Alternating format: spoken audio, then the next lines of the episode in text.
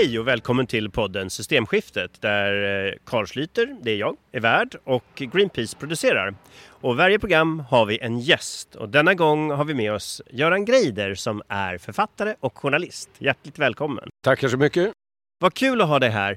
Jag tänkte att vi kunde prata lite grann om det här med grön tillväxt som en del eh, talar sig varma för som en lösning. Men jag har noterat att du är en av kritikerna till det. Varför då? Ja, jag tycker man ska vara försiktig därför att jag har ju märkt att, och det kanske kommer ur eh, resignation, förtvivlan och uppgivenhet. Men jag har märkt att det hos många gröna kämpar alltså finns en sån här enorm tro nu på grön tillväxt. Alltså, där man eh, helt enkelt släpper en del tankegångar som jag tror är helt nödvändiga.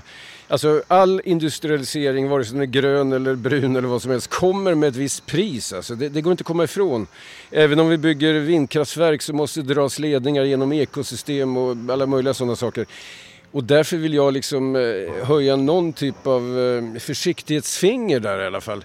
Jag tror inte eh, vi ska eh, liksom falla i farstun för den här nya entusiasmen för grön giv, grön tillväxt, eh, grön industrialisering. Därför att det är så starka intressen här av tillväxt som i praktiken alltid innebär att man tar ut mer fysiska resurser ur jordskorpan eller biosfären att man faktiskt måste se upp här. Så att jag slår ett litet slag för det här med ord som nerväxt, civilisationskritik, systemskifte heter ju den här podden till och med. Eh, därför att jag tror att det, grön starr hotar här också kan man säga. Så man får ju blinda för utvecklingen? Ja, lite grann så alltså. Även om eh, jag är fullt eh, medveten om att vi behöver gröna investeringar i en massa eh, nya energisystem och allt möjligt. Men försiktighet alltså. Jag är lite orolig över vart det här ska sluta faktiskt. Men jag, jag tänker lite på det du säger då att eh, vad man kan se att visst kan vi ha en stålproduktion som använder lite mindre energi eller mm. koldioxid mm. men stålet hämtas ju fortfarande upp ur naturen, ur gruvan. Så är det. Och visst kan vi ha lite energieffektivisering, kanske ganska mycket till och med. Mm. Men jag såg en gång på ett seminarium om cirkulär ekonomi som återvinningsindustrierna hade. Och då sa de ja, om vi lyckas få den här cirkulära ekonomin så då kan vi minska utsläppen med 50 procent nästan så gjorde jag en räkning på att ja, men om de når sina tillväxtmål som de här bolagen hade ja. så kommer utsläppen vara exakt de samma 2050. Ja. Även om de lyckas med sin cirkulära ekonomi. Alltså det där är problemet. Eh, det har ju funnits en dröm om, eh, vad kallar man det för, decoupling. Alltså det här med att man ska ha en BNP-tillväxt som, som inte eh, spränger planetens gränser, alltså som inte är miljöbelastande. Eh, och jag tycker då, det kom en rapport ganska nyligen eh, som pekar på att historiskt sett har det aldrig blivit så. Vi får teknikinnovationer, vi får energieffektiviseringar men sammantaget med all den verksamhet som kommer igång så får vi ändå den här miljöbelastningen. Va? Och det där... Eh, ja, jag känner mig... Jag tror att du har helt rätt där. Alltså att, eh, I slutändan, summa summarum, så efter en grön investering så kan vi mycket väl stå där med någonting som ändå belastar miljön ganska mycket. Va? Och det är därför som det, det här stora vakuumet som finns när det gäller eh, jag gillar ordet civilisationskritik därför att det är inte bara det här samhället, det är en hel civilisation egentligen med 10 000 år på nacken och sen så accelererar under industriella revolutionen och efter andra världskriget med konsumism och så vidare. Vi måste på något sätt, så många av oss som möjligt, kliva ut ur den där buren och se det från sidan på något sätt. Va? Du menar, eh, jag får ju känslan att du tycker att civilisationen i sig är lite ociviliserad här alltså. Ja, det kan man ju lugnt säga. Jag, jag skrev en artikel om det här nyligen och då fick jag ju tillmälet på Twitter där av någon som tyckte jag var ekofascist. Därför jag råkade skriva att människan är, i min eh, pessimism så råkade jag skriva att människan vid sidan av lupinerna är en invasiv art helt enkelt. För jag tror faktiskt att det är så. Alltså all historisk erfarenhet säger oss detta att varhelst människan slår sig ner så går det ut över biologisk mångfald omkring henne. Det är nästan att det är, alltså nu kan man undvika det på olika sätt, men det gäller även alltså, naturfolk och det gäller ursprungsbefolkning och så vidare. Alltså, vi är en art som helt enkelt eh, har en tendens att, om vi inte ser det själva, så har vi en tendens att ödelägga rätt mycket andra arter runt omkring oss. Fast jag skulle nog ändå säga att just naturfolk och ursprungsbefolkning har lyckats leva i tusentals år i samklang. Det är när vi börjar aggregera oss i större jordbrukarsamhällen där vi skapar ägandeklasser och där vi skapar konsumtion. Det då, för då, ja. det såg man ju redan vid Indusdalen. Ja. Redan där, för mer än 5000 år sedan, så fick de ju salt i bevattning bevattningssystemen och plantorna dog. I Turkiet, när de började bygga stora städer så avskogade de så mycket att det blev för torrt. Samma sak med Maya-civilisationen. Det är väl mer när de blir lite större. Ja, men så är det. Alltså, man kan säga att den neolitiska revolutionen, alltså för 10 000 år sedan, det är liksom en brytpunkt när vi får städer, arméer, krig och allt möjligt. Eh, och enorma kollektiva bevattningssystem och sådär som var nödvändiga när man hade sådana samhällen i och för sig. Då. Eh, det, det, är en sån här brytpunkt. Vi har några sådana brytpunkter. Det är den neolitiska revolutionen, det är den industriella revolutionen och det är det som forskarna brukar kalla för den stora accelerationens tid efter andra världskriget. Eh, när vi till och med människor lämnar spår efter sig i, som ett geologiskt lager, det här vi kallar för antropocen. Men jag vill nog ändå påstå att människan har, alltså det, det finns ju en del tecken som tyder på att um, även jägare och samlarfolk Eh, Eh, hade en viss tendens att utplåna megafaunan eh, runt omkring sig långt före den eh, neolitiska revolutionen. Så att det finns, alltså jag tycker att det för vår egen arts skull bör vi leka med den, vi bör grubbla över den där tanken att människan faktiskt har den där, vår art som ibland har kallats för en darwinistisk demon. Jag vet inte om ni känner till uttrycket men, men det är faktiskt sant. Alltså att, någon som helt enkelt expanderar så fort minsta chans finns där det är också en storhet hos människan som jag beundrar. Så är det verkligen. Så det är inte något entydigt här. Men jag tror, det här ingår i mitt varningssystem för för alla sådana här eh, reservationslösa hyllningar till grön tillväxt. Alltså vi får faktiskt se upp med vilka Så vi är. Din varning här är inte att människan är en hopplös individ, nej, men nej, att nej, vi bör se varningens tecken från tidigare enkla lösningar på problem. Ja, jag, jag tycker det. Därför att det är viktigt att, eh, jag tror det var Harry Martinsson som någon gång skrev att vi bör känna skräck inför framtiden. Mm, men... Ja, det ligger något i det, men han hade också den andra sidan. Han kände ju förundran inför naturen, inför allt möjligt annat. Så det är bara detta jag är ute alltså, När det gäller just här mera civilisationskritiska synpunkter så tycker jag att man bör i debatterna tillåta och lufta sådana här frågor som rör arten till och med. Alltså. Jag har faktiskt skrivit en bok om det här en gång i tiden som handlar om vilka hjärnor vi har och sånt där. Vi har en enorm förmåga till empati, vi har en enorm förmåga till solidaritet. Våra hjärnor är kommunistiska som en evolutionsbiolog skrev faktiskt. Alltså ser jag att du lägger händerna på dina knän så gör jag snart det också. Hela den grejen med spegelneuroner som gör att vi faktiskt vi lever i samspel med varandra. Och just det här, jag har läst att eh, om någon gäspar så är sannolikheten att man gäspar större om man dessutom har någon slags relation till personen. Det smittar ännu lättare. Ja, jo, så, så, är det ju. Alltså det, jag har den största tilltro till människans förmåga att gäspa, höll jag på att säga. Men att, att, att, att, helt enkelt leva sig in i andra människor. Och gör vi det så kan vi också leva oss in i, i utsatta ekosystem och sånt där. Alltså, jag drömmer ju om en framtid när du och jag skulle kunna sitta och gäspa utan att tycka att det behövde förändras så himla mycket i samhället. Men vi kanske har sett då varningens tecken och ett av de varningstecken jag har mm. tänkt på länge, det är det här med tron på enkla lösningar. Mm. Tron på att man kan förflytta någon liten enkel lösning, ja. ett väldigt begränsat system, till att bli en systemlösning. Den här falska lösningen. Och då, det är det första jag tänker på när jag tänker på biobränslen till exempel. Mm. Att vi mm. har exploaterat jorden under mark och så ersätter vi det till att exploatera marken ovan jord mm. istället. Mm.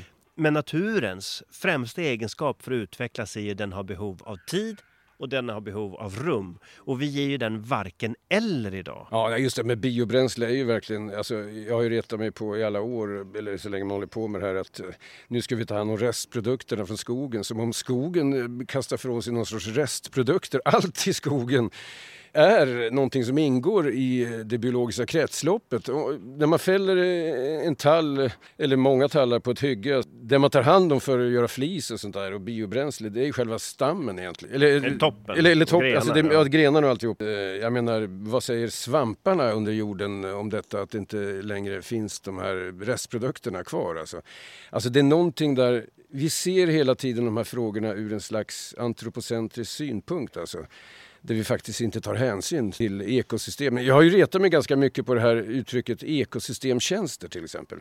Jag, vet inte om det, jag, jag är väldigt nöjd med en formulering jag hade i någon artikel för ett tag sedan. Jag misstänker att jag kommer få höra den nu. Ja, det var ungefär så här alltså att när man pratar om eh, ekosystemtjänster då går det ut på att allt det som naturen förser oss med.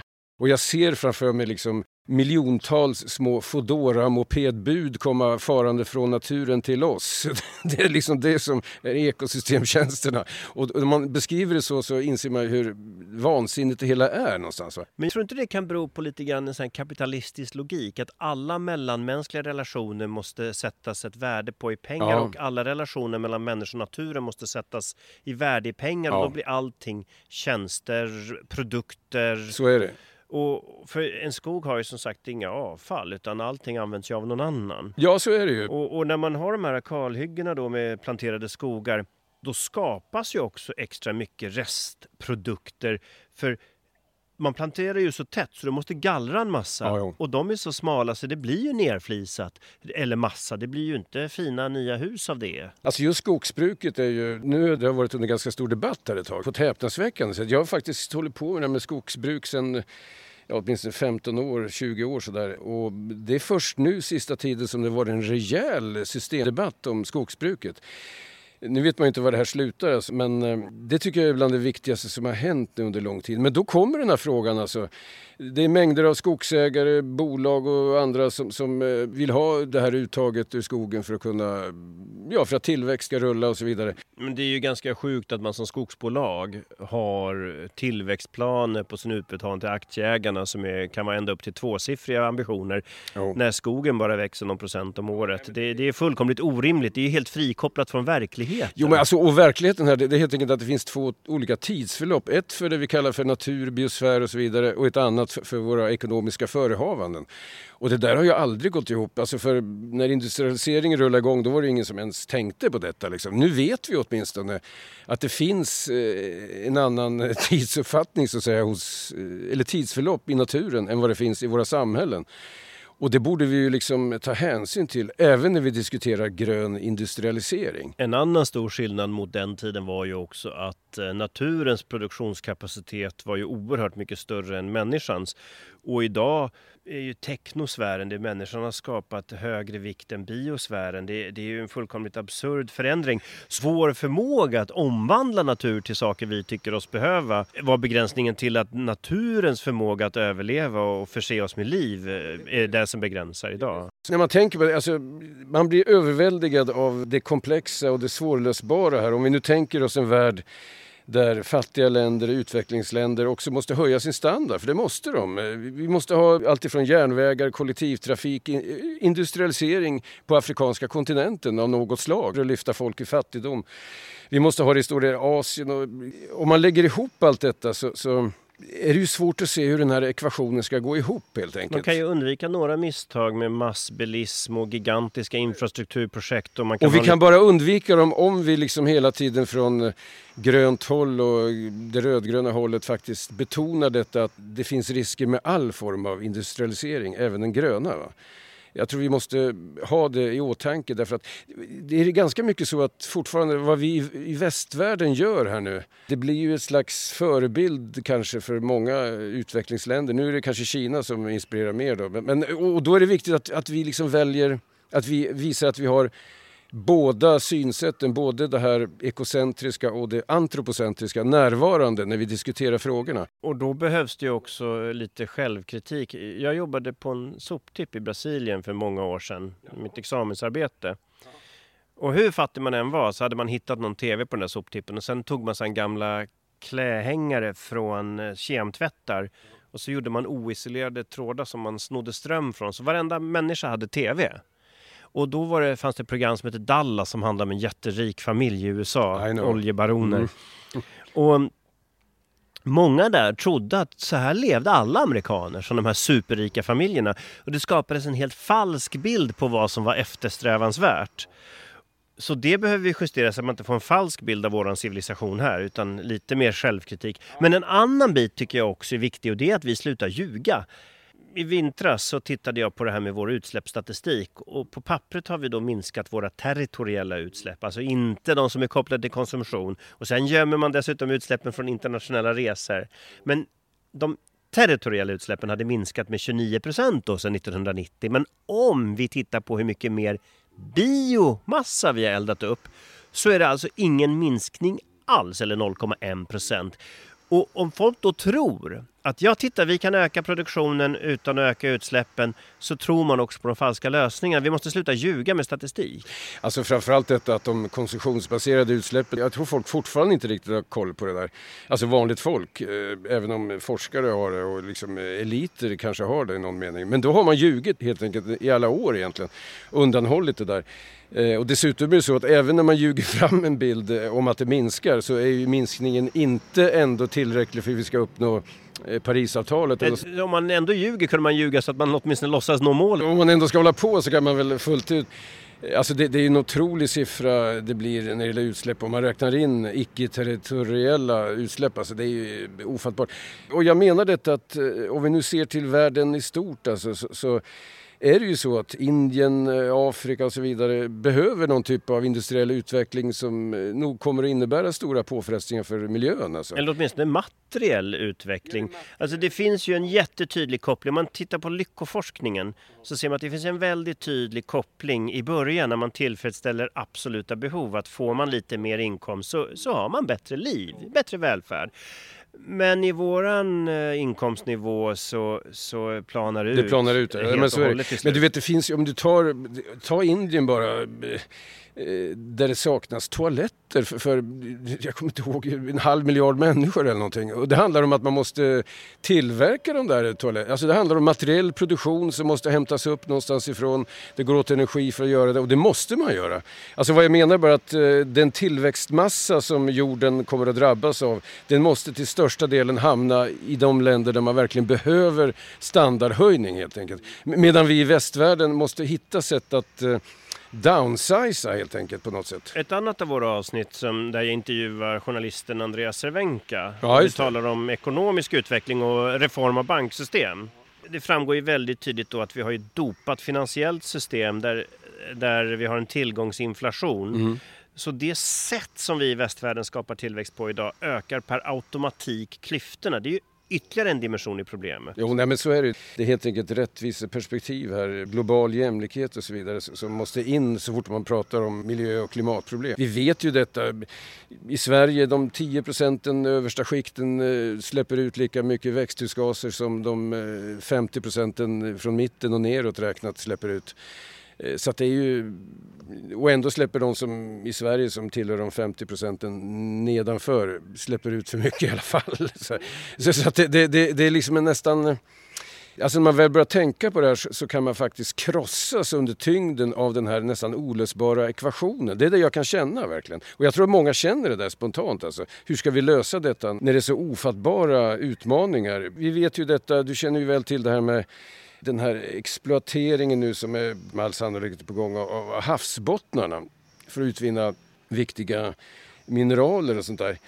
Och då sker det här liksom utan att makthavare, och då är det både politiker och gamla stora bolag och så vidare, eh, utan att de ens är med på kartan detta att man riskerar, man äventyrar matförsörjningen för kanske en miljard människor som är beroende av att fisket fungerar.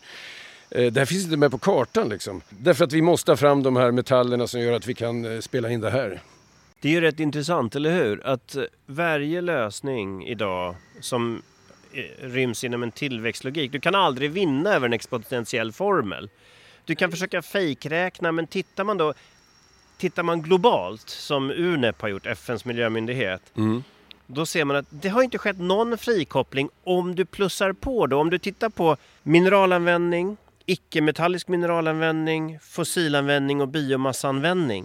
Om man plussar på det här så följer de exakt tillväxten ja. globalt. Sen kan du hålla på och fejkräkna och trolla bort biomassautsläppen. Du kan räkna dina utsläpp på andra länder och så vidare. Men vi har inte nått den här frikopplingen. Det beror ju också på det här ekonomiska systemet där vi jagar ständig tillväxt och varje krona du inte gräver upp någonting för gör något annat med som i sin tur belastar mm. naturen. Om vi då tittar på systemlösningar så är det ju en grund då som vi pratar om i andra program i den här serien just om att ställa om det ekonomiska systemet. Men ser du någonting annat utöver själva finans och bankvärlden som vi behöver ställa om? Vad är det mer vi behöver ändra på? Vi vet ju vilka områden som eh, släpper ut mest växthusgas. Och det är ju markanvändning, det är transporter, ja industri helt enkelt. Det är ju där de stora utsläppen finns helt enkelt. Och, och där är det väl, eh, alltså jag har ju tänkt att som läget är nu skulle man verkligen behöva någon sån här idé som eh, får alla att rycka till. Va? Och jag har ju i alla, eller många år här sedan jag hörde om det första gången varit en, en försiktig förespråkare, för jag är inte tillräckligt insatt, för det här med koldioxidransonering. Varje individ tilldelas en viss mängd, eh, en utsläppskvot helt enkelt. Så man sen, eh, så fort man gör någonting som drar energi av något slag så, så noteras det på det där. Eh, får man ett överskott så får man lämna tillbaka det till banken eller någon får köpa det också, någon rik person, tyvärr kan det ju bli så. Men det där skulle kunna vara ett sätt att få in en kollektiv... Därför att nu är det så att all skuld läggs på individen och individen känner sig ganska hjälplös ganska ofta tror jag. När man står i affären och ska fundera på om juicen vi dricker rimlig att dricka och så vidare. Men just en sån här ett ransoneringssystem som gäller alla. Jag tror att det skulle kunna vara någonting som folk rycker till inför. Åtminstone de här byggkranarna som är här bakom oss, de, de bullrade extra mycket båda gångerna du använde ordet ransonering. Det var som att själva systemet svarade... Ordet ransonering är ju hårt alltså, det får man ju lov att säga. Och det för tankarna till kristider, nödtider. Men det är kristider, det är nödtider. Det är svårt att komma förbi alltså. Vi har ett klimatnödläge, det är ingen tvekan om det. Jag vet att britterna utredde det där förslaget Ja, jag läste deras utredning. Eh, jag tyckte de var förvånansvärt positiva när det gäller möjligheten att göra... Att det var inte tekniskt särskilt svårt, utan de trodde att det skulle gå. Och du hör vad det bullrar nu alltså? Ja, nu, nu grävmaskinerna fick panik här nu. Ja. Eh, nej men jag tror på en sån där, alltså att det kom någon sak som eh, alla kände att det träffar dem personligen. Eh, och då vet vi detta att de som eh, låginkomsttagare, det är våra dagars miljöhjältar. Så är det. Medan de översta 10 procenten, det är skurkarna helt enkelt. Eh, och de kommer snabbt att kunna förbruka sina kvoter och så får de köpa in och då får de pengarna gå till eh, klimatomställning och så vidare. Ja, det, det, finns ju ett liknande system eh, där man har då i Kanada det här med skatt och återbetalning. Och så kan man ha lite olika fördelningseffekter av det. Men vad, vad vi har sett i de första utvärderingarna visar ju att det är en av få miljöskatter som också är socialt omfördelande. Att de rikaste använder en lägre del av sin inkomst på energi och liknande. Men de använder väldigt mycket mer pengar. Medan eh, människor med lägre inkomster använder en mycket högre del av sin inkomst på energi men mindre pengar. Vilket innebär att om de rika då slösar med energin så tjänar de som har lägre inkomster på den här skattehöjningen för de får netto mer tillbaka. 76 till 78 procent får mer tillbaka än vad de betalar in i det här systemet. Eh, Jag hoppas ingen dör där borta. Nej, det, det, tillväxtsystemet försvarar sig hårdnackat ja, ja. bakom oss. Nej, här. men det är helt enkelt berggrunden som grävs upp där borta. Bokstavligen ärligt talat. De sprängde innan sändningen och nu håller de på att flytta sprängde på den. Sprängde här för ett tag sedan eh, och då kände man verkligen hela jorden skaka där. Det var en bra påminnelse om vad vi gör på planeten varje dag överallt egentligen. Nej men det där, alla åtgärder åt det hållet eh, tror jag skulle kunna vara, alltså det är viktigt. Det är två saker som är viktiga för mig tror jag när man ska komma till åtgärder. Det ena är att staten blir en viktigare aktör än vad den har varit jag som socialdemokrat, jag tycker att jag har två nycklar. Dels marknaden, man kan påverka marknaden på olika sätt. Men också staten eh, via sådana system som vi nyss pratade om det kanadensiska eller ännu bättre något ransoneringssystem. Och det här är viktigt att staten är närvarande just för att få till det här andra villkoret, att det blir någon typ av omfördelningsmekanism här alltså. Därför att det är enda sättet att få med sig breda folklager skulle jag tro. Det där är ju väldigt viktigt för att vi behöver en systemomställning. Vi är helt överens om att vi måste verkligen förändra hela ekonomiska systemet. Men det kommer vi aldrig lyckas göra snabbt nog om inte människor känner en social trygghet i omställningen. Och den blir även globalt rättvis. För annars kommer vi skapa krig mellan länder eller internt. Ja, det är huvudpunkten tror jag från alla som är rödgröna i alla fall. Att det här röda och det gröna, det, det, måste liksom samsas. Det finns ingen väg förbi eh, fördelningspolitik helt enkelt. Och nu har vi ju en situation, inte bara i Sverige utan egentligen världen över, där den översta skikten har friköpts. Alltså de, de, de är fria nu. Mm, de har sluppit skatter, de har skatteparadis, de har eh, en mängd möjligheter att undkomma beskattning och så vidare. Eh, så att det hela mynnar ut i att det är ganska mycket av en klassfråga helt enkelt. Hur vi ska kunna trycka till de översta skikten och beröva dem eh, konsumtionskapacitet helt enkelt och makt över investeringar. Nu sa ju du ett ganska förbjudet ord här, klass. Eh, det finns ju de som får allergi av att höra det ja. ordet. Men jag tänker, när jag har träffat folk som får allergi av det ordet så har jag ibland tagit upp en annan aspekt som en del andra kanske har förståelse för också. Det är det här med att eh, om vi nu faktiskt är begränsade, eller vi är väldigt begränsade om jordens förmåga att överleva, vi måste ta mer hänsyn till den. Om du blir extremt rik så har du en sån extrem förmåga att exploatera jorden att du begränsar andra människors frihet till basal service för de kommer inte ha råd att betala lika mycket som du. Vilket innebär att det blir en annan dimension än socialism som också säger att vänta nu, till och med en liberal måste ju faktiskt tycka att det är orimligt. Ja, därför att om, till, om allt för stor del av konsumtionskraften hamnar hos de översta skikten så berövas ju en stor massa möjligheter i så fall att konsumera där de behöver konsumera och det går ju ut till slut över näringslivet helt enkelt. Eh, om man kan få breda folklager att konsumera och konsumera rätt helt enkelt så är det ju också bra för näringslivet och en massa företag som behöver sälja sina saker. Men om då socialdemokrater, liberaler och gröna grönt orienterade människor, alla tre inser att den här eh, omfördelningen eh, är så pass orimlig i dagens värld. Vad skulle de då, om de tycker så, kunna ha för olika lösningar tycker du? Ja, för det första är det så att eh, de flesta liberaler jag stöter på inte tycker att det är ett problem med ojämlikheten. Det, det, det är ett faktum alltså, måste jag säga. Annars hade vi inte tagit bort värnskatten i det här landet. Helt onödig sak liksom. 7-8 miljarder eller 6-7 miljarder som hade kunnat gå till något vettigt. Eh, så jag kan inte riktigt se att den där ins- Jag tycker några stora delar, framförallt av borgerligheten, är faktaresistent i den här frågan.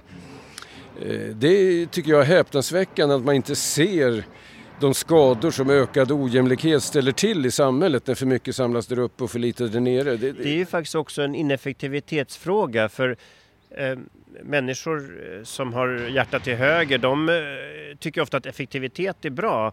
Men samhällen blir faktiskt mindre utsläppseffektiva. De släpper ut mer per tjänad krona när ojämlikheten ökar. Så tror jag att det är. Alltså. Det, eller det är bevisligen så. Så jag har väl inget... Som det ser ut nu så tycker jag väl att när jag tittar ut över Sverige och även Europa så kan jag inte se att de Ja, de borgerliga partierna, de konservativa, inte så många av de liberala heller, de har ju ingen riktigt eh, klimat miljöhjärta. Alltså. Jag tycker nog att det är i hög grad så. Varför tror du det? Alltså, jag tror att det blivit någon typ av, eh, jag sa faktaresistens tidigare. Jag tror man har eh, jag tror att det är så att de europeiska eller västvärldens eliter inte har känt av något tryck underifrån på väldigt, väldigt länge. Alltså. Man får gå tillbaka till 60-70-talet för att eh, man skulle få se ett tryck underifrån. Från, eh, allt strejkande arbetare bort till eh, olika grupper som demonstrerar på gatorna och allt möjligt. Det, det har inte varit något tryck under väldigt lång tid. Om man tar under den tid som EU skapades, alltså 80-talet och framåt här kan man säga Eh, så har ju EU hela tiden egentligen mest byggts uppifrån. Nästan inte alls underifrån. Det har liksom inte blåsts igenom av några vindar som har uppstått på gatorna precis. Utan det har varit initiativ från EU-kommissionen och liknande. I stort sett tycker jag att det har varit så. Och det här är ju, alltså eliterna har inte utsatts för något tryck. Nu har de utsatts för ett tryck från högerpopulistiskt håll. Men det är något annat för där är det ju livsfarliga saker på gång. Jag tycker ändå att de sista åren har vi sett gula västarna som då inte handlade bara om bensinpriset. Ja, det, det, var 74 olika krav som var mer samhällskritiska. Vi har Black Lives Matter som tog upp rättighetsdebatten och vi har Greta och Fridays for Future-rörelsen som tog upp klimatdebatten. Vi har ju börjat se nu att allt fler grupper i samhället. I Gula västarna var mycket folk från landsbygden. Men även grupper som var ekonomiskt marginaliserade i städer och även universitetsutbildade ungdomar, de var ju med i Gula Västar. Det var eh, i Black Lives Matter-rörelsen så var det eh, diskriminerade eh, folk i, i förorter runt om i städerna mycket och i, i, i Fridays for Future är det ganska stor blandning mellan unga och äldre. Eh, så att det är allt fler grupper nu som protesterar. Så räknar man ihop alla de här är det ju mer än 50% som inte vill ha nuvarande system. Alltså jag tycker, mitt intryck är ändå att, eh, jag har inget bättre uttryck än vanligt folk har inte känt sig delaktiga i något uppror underifrån på ganska lång tid alltså. Eh, det vet jag inte om folk gjorde på 60-70-talet så här i största allmänhet. Men det var ändå mer aktivitet ute i fackklubbar. Eh, det var till och med vilda strejker och alla möjliga sådana saker. Mängd sådana eh, manifestationer. Jag tycker det varit mindre av detta att vanligt folk har blivit indragna. Jag älskar alla de här grupperna du nämnde här nu. Mitt intryck är nog att det inte har slagit an någon riktigt stark sträng hos breda folklager än så länge. Även om man intellektuellt säger att de har rätt. Det tror jag många säger. Men steget är långt till att folk går ut och verkligen gör någonting på gatorna. Och jag tror att det kan ha att göra med den kontrolllogik som finns på arbetsplatserna Mm. idag. Att det är new public management, det är detaljstyrt, allting sätts ner på ett papper exakt vad du ska göra, din kreativitet värderas inte. Och, att då ifrågasätta saker blir i sig en risk för Jo ditt men så, det finns ju också, jag menar, alltså ta en sån här enkel sak som eh, Kommunals medlemmar som har taskiga eh, löner och villkor och allt möjligt. Nu regnar kottarna ner här också. För mig har det varit lite grann av en gåta att eh, Kommunal inte har vågat gått ut i någon riktigt stor eh, arbetsnedläggelse. Alltså det skulle kunna sätta eh, saker och ting i rullning. Det är det största fackförbundet. Det skulle kunna få folk att få upp ögonen för att eh, det här med offentlig sektor, det är inte bara det är det viktigaste vi har nästan. Och dessutom är det så att satsningar på offentlig sektor det är nästan klimatneutralt kan man säga. Vi kommer ha ett avsnitt med arbetslivsforskare också här. Och det avsnittet som jag hade med Cervenka var också där vi såg att det finns två olika system. En löneekonomi där vi har nästan ingen inflation, där löneökningarna är väldigt Mm. små. Eh, och så har vi en tillgångsexplosion där vi har jätteinflation på huspriser och aktier. Och att de här systemen är frikopplade gör då att löneandelen av ekonomin har sjunkit hela tiden sedan 1980. Och att fackförbunden då stillatigande ser på. Och ett sätt att utjämna vinsterna som kommer av att vi gör saker effektivare det är att man tar ut i kortare tid istället för Mm. ökad produktion. Fördelen med kortare tid är att alla får ju kortare tid. Oavsett lön så får du ju fem minuter mer Ja. fri tid. Och då bryter du också kopplingen att göra oss beroende av tillväxt för jobbens skull. Vad, vad alltså jag tror det med där? arbetstidsförkortning, alltså, det har varit uppe av och till men nu är det nästan inget parti som driver det till exempel. Eh, inte ens Vänsterpartiet tror jag nästan driver det där längre. Det står säkert med i något partiprogram. Ja, det är knappt att det gör det. Alltså. Alla är rädda för det där. Alltså. Men eh, jag vet, jag fick i någon sån här klimatpaneldebatt en gång frågan, eh, det var en fredag och så sa de att ja, imorgon är det lördag, vad, är det första, vad, är det, vad bör vi göra på lördagen där då? Eh, vad ska, man, vad ska man ta sig till om man är enskild person? Och, och mitt förslag var bara att ligg kvar i sängen helt enkelt. Eh, det är förmodligen det bästa vi kan göra om fler låg kvar i sängen en dag till i veckan eh, och inte gjorde någonting och gick upp sent och tog sig en slät kopp kaffe. och sånt där. Jag tror att eh, Socialstyrelsen och vissa andra skulle säga att vi måste röra på oss. Men jag fattar din poäng. Liksom inte ut i köpladan och hetsa fram Eh, Nej, alltså det finns en där. väldig poäng med inaktivitet. Alltså. Och den strider mot hela vår civilisations uppfattning om vad som är vettigt. Vi ber känsliga lyssnare om förlåtelse för att det användes så mycket känsloframkallande ord alldeles nyss. Ja, det blir mycket ett tag. Men, men, nej, men jag tror ju att det här med arbetstidsförkortning skulle vara... Dels har det stöd hos befolkningen överallt. Alltså, utom möjligtvis de översta, jag vet inte, ingen aning. Men det har ett stort stöd överallt och det skulle nog förmodligen vara bra därför att då, sammantaget är det ju så att även de som är låginkomst, alltså även de som är på nedre halvan av inkomstligan i detta land. Vi måste alla dra ner på konsumtionen på något sätt. Och jag tror ju att på lång sikt så är det snarare detta med arbetstidsförkortning eh, snarare än lönehöjningar och sånt där som är avgörande. Och inte minst för miljöfrågan eller klimatfrågan. Ja, men man kan ju också se det så att den som har lägst inkomst idag är väl den enda som har behov av att fortfarande köpa lite mer då kanske. Men då gör det i alla fall nytta för då tillfredsställer man eh, faktiska behov. Ja. Eh, Och en intressant forskning som jag läste från eh, Handelshögskolan i Göteborg och Chalmers att 1% minskad normalarbetstid minskar utsläppen med 0,8%. Så det skulle vara ett av de snabbaste sätten att få ner utsläppen. Det tycker jag är en intressant dimension. Nej, men jag tror att den, den frågan har ju varit uppe egentligen ända sedan ja, början av 1900-talet. Eh, vad heter han? Paul Lafargue, eh, Rätten till lättja, fantastisk bok. Eh, Keynes var inne på det här på 30-talet om att när han konstaterade att hans barnbarn nog inte borde behöva jobba mer än 3-4 timmar och så vidare. Och så vidare. Faktum är att det är ännu äldre än så. John Stuart Mill i sin bok från Ja. 1848. Nyliberaler läser bara första kapitlet, men om man läser den till slutet så finns det en helt fantastisk episod där, där han går igenom vad är det för vits med att leva ständigt rikare på en jord där, vi har, där den sista busken har slagits ut av modernt jordbruk, där den sista levande Han skriver vilda så i blomman... slutet alltså? Han skriver så. Eh, det, det är I nästan Om friheten? poet- Nej, det är den här nationalekonomins principer. Aha! Eh, Men det är nästan poetiskt och hans slutsats då blir att framtida generationer kommer jobba mindre eh, och att han förespråkar då en ekonomi som är steady state, alltså inte Ja, tillväxtbaserad. just Men det betyder inte, skriver han, att utvecklingen för människor stannar utan det finns oerhört mycket större möjligheter att leva ett gott liv om vi inte sliter ut oss och planeten. Och det här skriver han alltså 1848 redan. Ja, det, det måste jag läsa. Det, det där är ju fantastiskt bra. Alltså, jag minns jag läste en studie om myror en gång. Där forskaren slog fast att myrorna tog lunch varje... Va? Vid lunchtid tog de, slutade arbeta allihopa. Ja, men att myrorna fattade någonting som... eh, Ja men vet du vad, det finns så här supermyrnördar då förstås. Ja. Och, och det var två så här supertjocka volymer som bara handlade om myror och deras liv. Och det fanns så mycket spännande.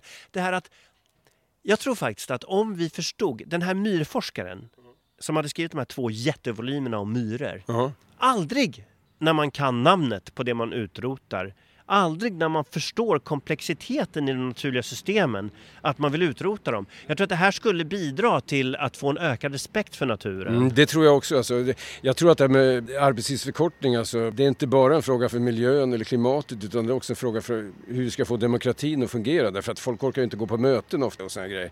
Alltså, det, det har ju en enorm effekt på många olika områden som i slutändan faktiskt gynnar det vi tror på här. Nu låter ju du som en gammal sosse från Gärdesdemonstrationen den 1 maj 1890. Jaha, För på valaffischerna där då, på plakaten, så stod det bland annat att en arbetstidsförkortning, de ville ha åtta timmars dag. Ja. Tänk att det var åtta timmars dag, men de jobbar ju på lördagar också. Eh, Men i alla fall, de kämpade för en åtta timmars dag. Då var det att man skulle få eh, ökad tid att bilda sig Ja. och att delta i demokratin och att inte slita ut sig och att minska den reservarmé av arbetslösa. Det här var slogans som socialdemokratin körde 1890. Alltså du ska veta att eh, när socialdemokratin startade sin långa bana här med första partiprogram och sånt där eh, så var det ett utpräglat vänsterpopulistiskt parti. Eh, en rörelse som hade enorma krav på förändringar. Alltså när man läser idag så de här första dokumenten som kom från socialdemokratin så de var utopiska. Man sa detta att vi måste byta ut, ta bort den gamla ekonomiska eliten och byta ut hela samhällsordningen. Alltså en enorm idé om att allt måste förändras liksom. Och det där eh, var ett kapital som bildades där som folk ända sedan dess har förknippat med socialdemokratin. Det är där de lever på fortfarande, trots att de inte lever upp till någonting av det hela. Så är det fortfarande så att man förväntar sig lite mer, både moraliskt och när det gäller förändringar och saker och ting, av socialdemokratin än av ett borgerligt parti. Jag förväntar mig inte att Moderaterna ska vara bättre människor än andra, men jag förväntar mig att sossar ska vara bättre än andra människor. Och det har sin rot i den här första vänsterpopulistiska grundläggningen av en rörelse. Liksom, som man sen har ägnat mycket tid åt att såga av den gren man sitter på. Så att säga.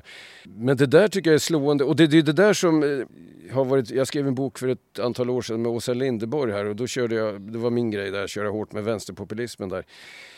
Och det där är ett viktigt motgift mot högerpopulismen. För de kommer med stora löften, högerpopulisterna. Det går visserligen bara ut på en sak, att stoppa invandring och så vidare. Men, det är ändå stora löften om att gör vi så här så blir allting bättre. Medan däremot arbetarrörelserna runt om i västvärlden har slutat komma med de stora löften som man en gång kom med. Och idag skulle det helt enkelt vara klassutjämning, eh, grön omställning eh, och så vidare. Ett nytt samhälle, en ny jord, eh, nya himlar som det står i Bibeln. Man blir inspirerad om man tänker på vänsterpopulism. Jag tänker på, du sa så här, man förväntar sig mer moral av socialdemokrater. Jag är säker att en moderat lyssnare hade nog tyckt tvärtom. Men Nej, det tror jag faktiskt inte. Därför att det är ändå så att i Moderaternas idé så finns det en idé om egoismen som drivan, någonting drivande i samhället. Det, det är ju själva... att det tar fram det mesta ur människor. Ja, alltså Det, det är faktiskt grundidén. Medan grundidén hos eh, en arbetarrörelse av något slag, eller vänstern, är det solidariska. Liksom. Alltså det är en viss skillnad där tror jag. Man, jag Då tycker jag det är intressant. För då, vad du säger nu då är att eh, det är visionen som skapar drivkraften. Vi, vi inledde ju med att tala om att tillväxt, det håller inte, att ekosystemen kollapsar, att klimatsystemet kollapsar, att sociala klyftor kollapsar samhällen. Vi har ju en trippelkris och så har vi dessutom en ekonomisk skuldkris. Vi har en kvadruppelkris kan man säga. Och då har vi ett jättestort behov av systemförändring. Och ändå så samlas alla partier så på trångt i mittenplattformen att de trillar ner på spåret snart. Så att då undrar man ju, om vi ska lära någonting av hur vi får igenom systemförändring. När jag lyssnar på dig nu känns det som att det är den som har den stora visionen. Bara om man drömmer om någonting tillräckligt stort så kommer man göra det som är möjligt. Alltså det är en eh, sak som är nödvändig. Den andra nödvändiga saken är ju faktiskt att folk eh, eh, att de där visionerna bärs upp av människor. Alltså, jag menar, idag kan man gå in på vilket bibliotek som helst och hitta alla nödvändiga idéer vi behöver för att göra om samhället men hur ska det bäras ut till, till vanligt folk? Alltså när Sverige förändrades förra gången, om vi tar Sverige bara nu, men det gäller ju många västländer i alla fall. Eh, låt oss säga mellan år 1900 och 1930. Vad var det som hände under den där tiden? Det som hände var att ett gammalt överhetssamhälle kastades bort. Alltså det var verkligen överhetssamhälle. Sverige låg långt efter när det, folk fick inte rösta och det var totalt eh, efterblivet egentligen Sverige. Det som inträffade var massorganisering. Det var ju faktiskt det som inträffade. Nykterhetsrörelsen, frikyrkorörelsen, arbetarrörelsen och även en del liberala folkrörelser. Alla kom igång och blev på benen och utbildade sig själva till medvetna medborgare som bar ut alla de här visionerna och idéerna som redan fanns på den tiden om hur ett bättre samhälle skulle se ut. Va? Så det är de här två vågskålarna, visionerna måste finnas där. Men det måste också vara alla de här tusentals små mötena eller små sammankomsterna, vilken form de än äger rum. De måste vara där för att eh, ett samhälle ska komma på fötter. Liksom. Och I Sverige var det ju en ganska otrolig grej. Mellan år 1900 och 1920 så blev Sverige ett annat land. Man kastar bort det här gamla överhetssamhället. Rösträtt för kvinnor och män infördes. Eh, massa reformer kunde efterhand komma igång. Det var så det gick till förra gången. Alltså folkrörelser plus visioner. Liksom, som, eh, Sverige var ju ett hopplöst land. Alltså. Jag menar, ta Stockholm. Hade det inte varit så många som flyttade in så hade befolkningen sjunkit ganska snabbt på grund av hög eh, dödlighet, spädbarnsdödlighet och allting. Det var så, så urusla förhållanden. Liksom. Jag kan varmt rekommendera en bok från tror det var 1890 96 eller 98 ja. som heter just Stockholm där det finns massor med statistik på det här med barnadödlighet, brottslighet, Grymma saker. livsmedelssäkerhet. Ganska spännande ja, ja, historia kan man läsa där. Så att, man ser ju hur, hur, svårt det var i Stockholm på den tiden, många saker. Ja, ja. Man skulle alltså leta upp de här exemplen när samhällen har förändrats och det kan man hitta massa olika länder. Alltså, vissa så formativa perioder när någonting eh, verkligen vulkanutbrott underifrån liksom. Det där är rätt fascinerande, alltså, socialpsykologiskt fascinerande. Man har ju sett det till och med de värsta diktaturerna kan ju störtas av folk när de organiserar ja, när sig. När det väl brakar loss liksom. Man hade ju hoppet där om Belarus här i höstas men att det skulle faktiskt välta den där regimen nästan, trodde man. Jag trodde nästan att de var på gång, för det finns ja. någon sån här formel. Eh, känner du till Albert Einstein Institute? Den här, eh, ja, men de forskar på eh, icke icke-våldsamma proteströrelser. Aha, okay. Okay. Och det visar sig historiskt att icke-våldsamma protester är dubbelt så framgångsrika som våldsamma. Mm, det där tror jag är sant. Alltså. Och när det finns en viss procentsiffra mm. som engagerar sig, mm. då har det aldrig misslyckats de sista hundra åren. Ja. Men, och jag trodde att Belarus var nära att uppnå den procentsiffran. Ja, det kändes som det ett tag där. Men sen, sen eh, det är ruggigt att tänka på. Klart, de har en stormakt i bakom ryggen där, som Ryssland, som kan göra påverka tyvärr. Men det är inte slut än, så att det kan ju hålla på ett tag. Jag menar, de kan ju verkligen välta det där kanske till slut. Alltså när människor går ihop och organiserar sig kan en förändring ske väldigt snabbt. Och det är väl det som jag tycker vårt ja. samtal ut. Man kan ju ta 30-talet i, i, USA också. Jag menar det är ganska otroligt alltså med New Deal-grejen. Alltså. Hur det ändå blev en, ja lite grann som en omvänd hand på många sätt i amerikanska samhället. Ja, nyss sönderslitet av klassstrider. Man hade ett Ådalen 31 eh, i månaden i USA fram till 30-talet. Och sen plötsligt så genom hyggligt bra politik så fick man liksom en en eh, omvändning av hela samhällsmaskineriet. Sen har det ju... Man kan väl nästan förenklat säga att rösträtten i Sverige kom till när eliten var rädd för revolution också. Ja, men i grunden var nog det här att man hade så mycket rörelser, klubbar och allt möjligt runt om i landet. Så att plötsligt gick det upp för dem att det här var ingen, det gick upp för eliten att det här var liksom ingen, ingen litet påhitt från några aktivister utan det var liksom jättestor grej liksom. Och då var man tvungen att vika, om det dyker upp, eh, alltså våren 1917 och hösten i otroligt mycket folk ute på gatorna i Sverige. Alltså. ett samhälle kan förändras när folk kommer på benen. Alltså. Det handlar om några årtionden. Och då är det folk som eh, med ena foten håller på med nykterhetsrörelsen och andra foten i fackförening och sådär. Man håller på och krånglar med allt möjligt. Och man fattar inte ens vidden av det man gör, nämligen förändrar hela synen på ett samhälle som man har inombords alltså, genom att vara aktiv på olika sätt. Så om vi tänker oss att vi vill om, omkullkasta då skuldsamhället och mm. tillväxtsamhället. Mm.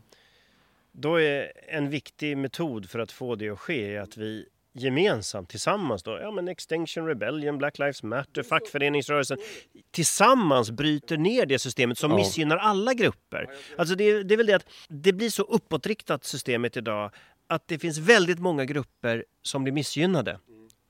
Plus alla grupper utan röst, djuren, naturen och människor som inte har möjlighet att uttrycka sin röst här i våra centraliserade ja. samhällen om alla de som missgynnas av systemet tillsammans kunde resa sig upp så skulle vi välta systemet. Då. Ja, det, det, är ju ungefär det man kan hoppas. Alltså det skulle verkligen behövas en sån.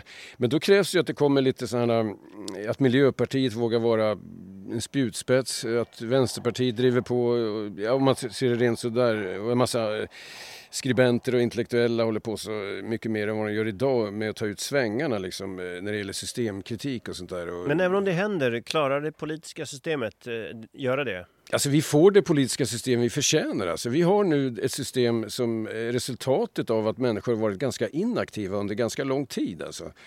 Eh, det är det vi har alltså. Det är få medlemmar i de politiska partierna. De få som är kvar blir konstigare och konstigare därför att de blir färre och färre. Liksom så här. Det skulle räcka om 20 000 pers gick med i Socialdemokratiska partiet eller Vänsterpartiet eller Miljöpartiet så skulle bara av det skulle det bli en annan svung i hela politiska debatten förmodligen. Men folk har blivit eh, inövade i någon typ av inlärd hjälplöshet här helt i onödan. Eh, det är det, jag har sagt det några gånger här, alltså att eh, även om man ser sådana uppflammande fantastiska saker som eh, gula västarna och annat så, här, så ändå min grundkänsla är den att folk är ganska resignerade. Alltså. Det, det, det är nog min grundkänsla och det där måste brytas på något sätt. Va? Och jag vet inte hur det ska gå till men det kommer säkert att ske på ett eller annat sätt, det är jag ganska säker på.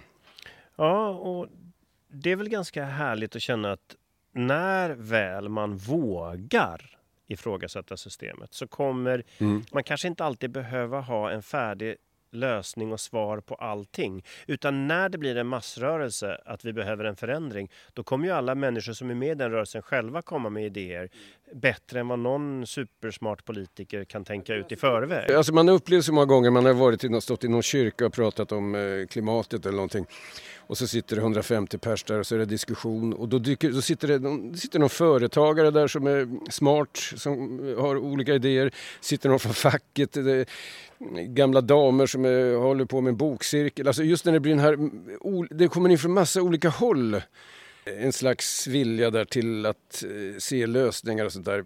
Det är då någonting inträffar alltså. Och det måste ske på tusen och åter tusen ställen eh, i ett land eller en eh, världsdel eller någonting. Och det var ju det som skedde en gång i tiden. Och det har skett i många samhällen att det blir plötsligt att alla kommer på benen sådär. Eh, och jag tycker man ska drömma om något sånt. Alltså det, vi vet ju inte om det kommer att inträffa men det är ganska viktigt att se det där att det faktiskt är fullt möjligt. Så det, det blir någon slags självuppfyllande profetia. Om man tror att man är maktlös så blir man maktlös. Om man tror att man kan förändra så kan man förändra. Ja, jag tror att det är i, i hög grad på det sättet. Alltså. I alla fall om jag avläser mig själv rätt så, så, känner man ju inte det där. Det, det räcker ju med att eh, man eh, skrattar tillsammans med fem andra personer så framstår ju världen så mycket mer förändringsbar än om man sitter och surar för sig själv. Liksom. Det är inte konstigare än så. Alltså det är någonting som inträffar. Alltså att, eh, det är bra för psyket att vara förbannad tillsammans med andra. Och när man gör det, faktiskt gör något vettigt av den förbannelsen. Ja, det är ju det man ska göra i slutändan. Men, men bara detta att eh, komma samman sådär, det, det, har en väldig betydelse. Det är skillnad om det är två människor på ett möte eller tio. En jäkla skillnad. så det spelar stor roll. Jag tycker det är oerhört intressant. Att vi, för i den här podden så pratar vi ofta om så här riktiga lösningar. Så här, ah, nu ska vi titta på banksystemet, nu ska vi titta på finanssektorn, nu ska vi titta på arbetsmarknaden. Men egentligen är själva grunden för förändring det är att människor kommer ihop tro på att man kan göra någonting och faktiskt börja göra någonting tillsammans. Ja, nej, men det, det, det, är det som är roten. Därför att, jag, menar, jag tror att det är så här att eh, den överväldigande delen av eh, svenska folket eller hela världens befolkning vet detta att vi måste göra någonting åt klimatproblemen, miljöproblemen, vi måste göra någonting åt de sociala klyftorna. Det, det är liksom det fattar alla på egen hand. Inga problem, det är inga svåra saker. Alla fattar det. Liksom. Svårigheten att seriekoppla allt det där till någonting som eh, faktiskt kan bli explosivt. Och det, är där som, eh, det, är ganska, det är därför ganska mycket handlar om social organisering egentligen. Eh, det är nästan det det i slutändan kommer till. Alltså. Därför att idéerna finns där, insikterna finns där, missnöjet finns där hos en massa människor det är en väldig kraft alltså, detta med missnöje. Det gäller även Sverigedemokrater som, eh, när man väl har stått och käftat ett tag med det så kan de bli mer förbannade till slut på att eh, vdn för eh, någon bank får en jävla massa pengar istället för, mer arg på det än på att invandringen är för hög. Alltså man kan förskjuta hela diskussionen och kanalisera missnöjet åt ett, ur min synvinkel, bättre håll liksom. Ja, att bankerna drar in 104 miljarder i vinst på att sälja pengar ja, som vi har gett dem rätten att gratis producera. Det kan vi lyssna på i andra avsnitt i den här serien. Men jag, jag känner ändå faktiskt att det här avslutades med en del hopp. Ja, absolut. Jag brukar säga att läget är hopplöst eh, men inte allvarligt. Det är ungefär, så man kan känna ibland. Nej men alltså det är klart, jag brukar ofta tänka på, det är något gammalt citat av Marx där faktiskt. Jag visste inte nästan att jag skulle få höra det. Ja men det är så jäkla bra det där alltså. Han säger detta helt enkelt att uh, människan löser de problem hon ställs inför. Det är en lång harang men, men det... Ja, jag skulle vilja komplettera det Marx-citatet med att människan också undvika att skapa en del av de onödiga problemen som vi håller på med. Ja, jo, jo så är det. Men, men den här grundläggande Eh, optimismen, den, den, har jag inom mig även om jag blir ganska förtvivlad ibland när jag tänker på hur den här svåra ekvationen ska lösas. Men vi har den här kvadrupelprisen. Ekologi, ekonomi, skuld, sociala klyftor, miljö, natur. Men det är ändå så att det är vi människor som har skapat alla dessa system och vi kan ändra dem. Ja, så är det. Så är det. Och det gör vi tillsammans. Ja. Och det har varit jättekul att spela in det här avsnittet tillsammans med dig Göran Greider. Det gick bra med byggandet här också. Ja, vi, vi har under tiden här samtalet eh, som vi har suttit här och pratat så har några skapat tillväxt där borta. Eh, vi har skapat nerväxt. nej, men, nej, men... De har brutit ner bergen mm. istället. Ja, just det. Ja, men tack så hjärtligt. Ja, det är bra. Pandemin är slut snart också. Så att... Ja, just det. Då kanske vi får träffas utan att riskera att smitta ner varandra också. Det vore ju skönt. Vi har ju suttit här ute med, med bakgrundsljud från tillväxtens maskineri. Men även fåglarna hör nu när maskinerna tystnar. Det är ja. härligt. Vi behövde faktiskt ingen stor fet studio och massa betong runt oss för att kunna spela in det här, så det var väl ändå positivt. Tack! Ja, tack så du ha. Tack för att ni lyssnade på dagens program som gjordes av Greenpeace, där producent är Alexia Fredén, ljudtekniker är Christian Åslund och värd är jag, Carl Schlyter. I nästa avsnitt kommer vi träffa Sofie Nachemsson Ekvall som är eh, doktor på Handelshögskolan och konsult i hur företag kan styras mer hållbart och hur kan vi skapa investeringar i vår sociala infrastruktur? Vi ses nästa vecka.